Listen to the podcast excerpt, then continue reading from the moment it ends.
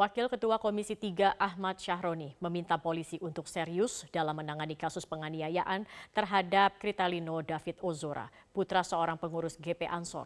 David kini masih menjalani perawatan di rumah sakit akibat penganiayaan berat yang dilakukan anak seorang pejabat pajak Mario Dandisatrio. Terkait dengan tersangka Mario, saya, saya datang langsung Pak Kapolres ini adalah hal luar biasa.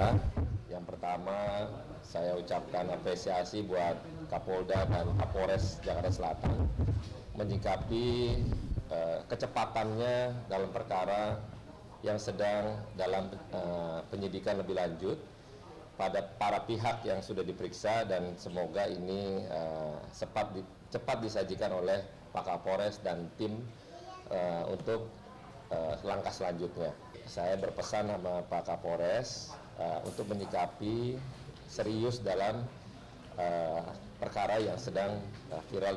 PPATK ternyata sudah lama mencurigai transaksi keuangan Kepala Bagian Umum Dirjen Pajak Rafael Alun Trisambodo sejak tahun 2012. Bahkan PPATK sudah memberikan laporan dugaan kejanggalan transaksi Rafael ke Kejaksaan Agung. Kasus penganiayaan kepada David Ozora yang dilakukan oleh Mario dan Disatrio melebar ke ayahnya Rafael Alun Trisambodo. Karena berdasarkan laporan harta kekayaan penyelenggaraan negara LHKPN tahun 2021, harta 56 miliar yang dimiliki Rafael tidak sesuai dengan profil Rafael yang hanya pejabat eselon 3 di Kementerian Keuangan. Usut punya usut, adanya pembekakan harta Rafael sudah lama dicium oleh Pusat Pelaporan Transaksi dan Analisis Keuangan PPATK sejak 2012. Kepada Metro TV, Kepala PPATK Ivan Yustia Vandana mengatakan pihaknya menyayangkan laporan itu belum ditindaklanjuti. Sejumlah kejanggalan menyeruak muncul dari LHKPN. Selain uang 56 miliar rupiah, tidak ada laporan mobil Rubicon Mobil ini menjadi perbincangan mengingat tersangka Mario kerap kali memamerkan mobil tersebut. Hal ini memantik Menteri Keuangan Sri Mulyani untuk melakukan pengawasan lebih ketat kepada anak buahnya.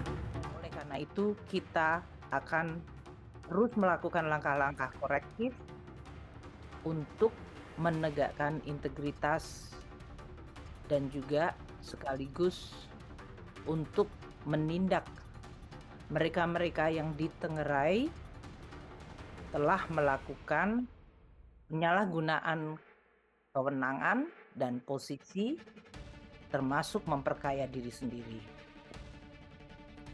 Untuk dapat kami jelaskan, Kementerian Keuangan terus akan memperkuat tiga layer pertahanan di dalam menegakkan integritas. Harta 56 miliar rupiah yang dimiliki Rafael menjadi ironis karena bila dibandingkan dengan harta atasannya Dirjen Pajak yang hanya 14,40 miliar rupiah.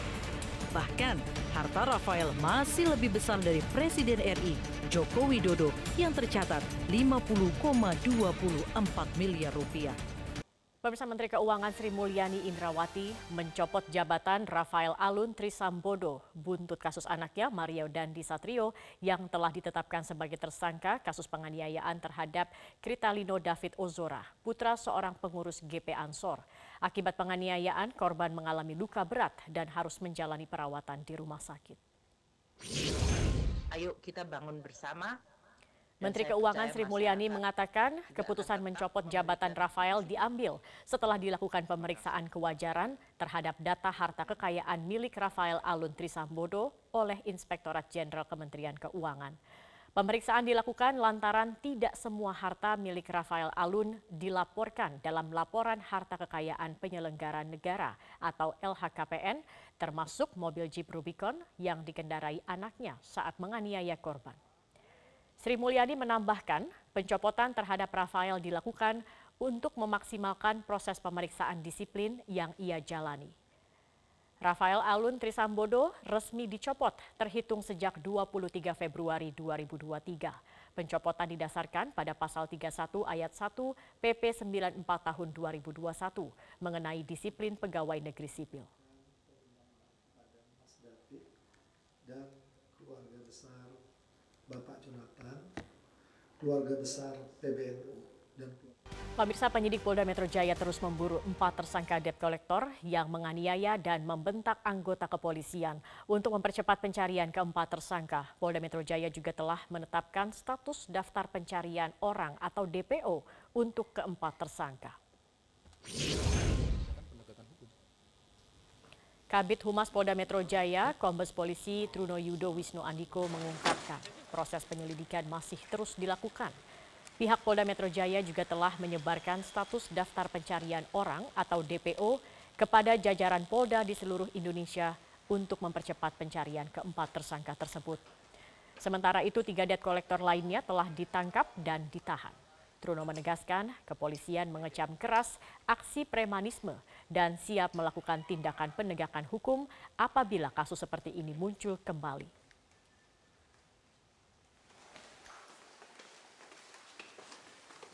Konstruksi perkara yang ditangani adalah adanya aksi premanisme yang berkedok sebagai debt collector ya.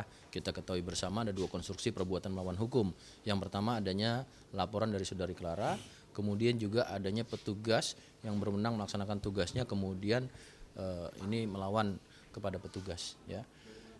Tentunya kemarin sudah disampaikan dari tujuh yang teridentifikasi sebagai pelaku, tiga sudah dilakukan penangkapan dan saat ini penahanan terhadap empat lagi ini kita lakukan daftar pencarian orang yang kemudian nanti secara formil akan disebarkan ke seluruh jajaran Polda di seluruh Indonesia dan jajarannya dan tentunya ini menjadi suatu perhatian kita bersama penyidik masih bekerja dan kita tunggu hasilnya nanti. Wakil Presiden Ma'ruf Amin mengungkapkan Menteri Pemuda dan Olahraga Zainuddin Amali telah menyatakan mundur dari kabinet dan juga telah berpamitan ke dirinya. Menurut Ma'ruf, politikus Partai Golkar itu ingin fokus mengurus organisasi sepak bola PSSI setelah terpilih menjadi wakil ketua umum.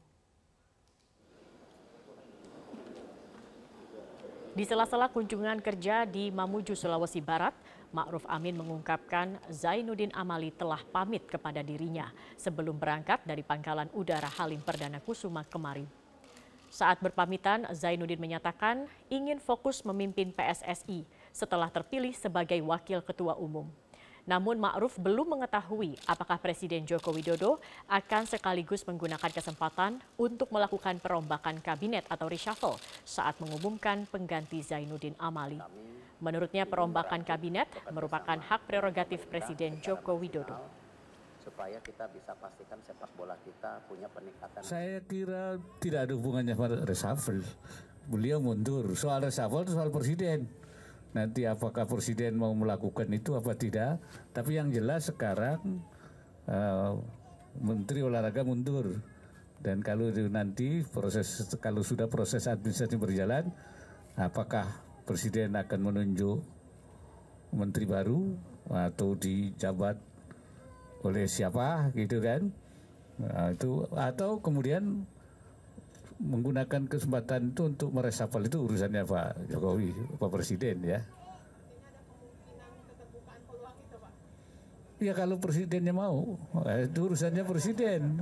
Itu urusan hak prerogatif presiden ya. Saya kira kita tunggu aja. Pemirsa data hingga Jumat siang ada 10 orang meninggal dunia akibat kerusuhan yang terjadi di Wamena, Provinsi Papua Pegunungan. Sementara itu ada 18 korban luka-luka dan masih dirawat di Rumah Sakit Umum Daerah Wamena.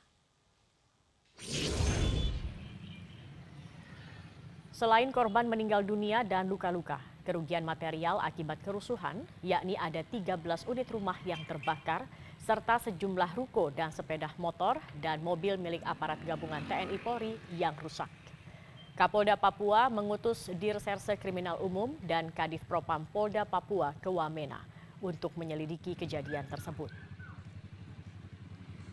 Untuk menjamin keamanan warga, Polda Papua juga mengirim satuan setingkat kompi dari Brimob Polda Papua untuk memperkuat personel Polres Jaya Wijaya. Kini situasi keamanan di Wamena mulai berangsur kondusif, dibantu oleh sejumlah tokoh masyarakat setempat. Sebelumnya sejumlah orang melakukan pembakaran di Wamena Jaya Wijaya Papua Pegunungan akibat terprovokasi isu penculikan anak. Peristiwa bermula saat warga menangkap dua orang yang diduga sebagai pelaku penculikan anak. Warga menahan mobil milik kedua korban saat melintas dan membawa barang belanjaan pemilik kios di kampung Sapalek. Polisi yang tiba di lokasi berusaha mencairkan keadaan dan meminta kedua orang tersebut dilepaskan. Namun masa dengan cepat berkerumun sehingga sulit dikendalikan dan akhirnya melakukan aksi pembakaran. Dan berikut pernyataan Kabit Humas Polda Papua, Kombes Polisi Ignatius Beni Adi Prabowo dalam program Breaking News Metro TV. Ya, itu memang uh, isu yang dibuat, artinya orang tersebut menduga ini orang ini akan melakukan penculikan dan uh, akan diselidiki oleh pihak Polres. Hmm. Namun masa pada saat itu yang sudah terprovokasi ini sudah tidak bisa dikendalikan demikian. Akan ada penebalan uh, personil dari Jayapura 100 kompi Brimob. Namun di sana juga personil uh, cukup banyak dari TNI dan Polri. Ini kita mau menjamin kepastian, artinya kita memberikan kepastian kepada warga masyarakat, memberikan jaminan keamanan kepada warga masyarakat bahwa negara hadir untuk menciptakan situasi keamanan di Wamena.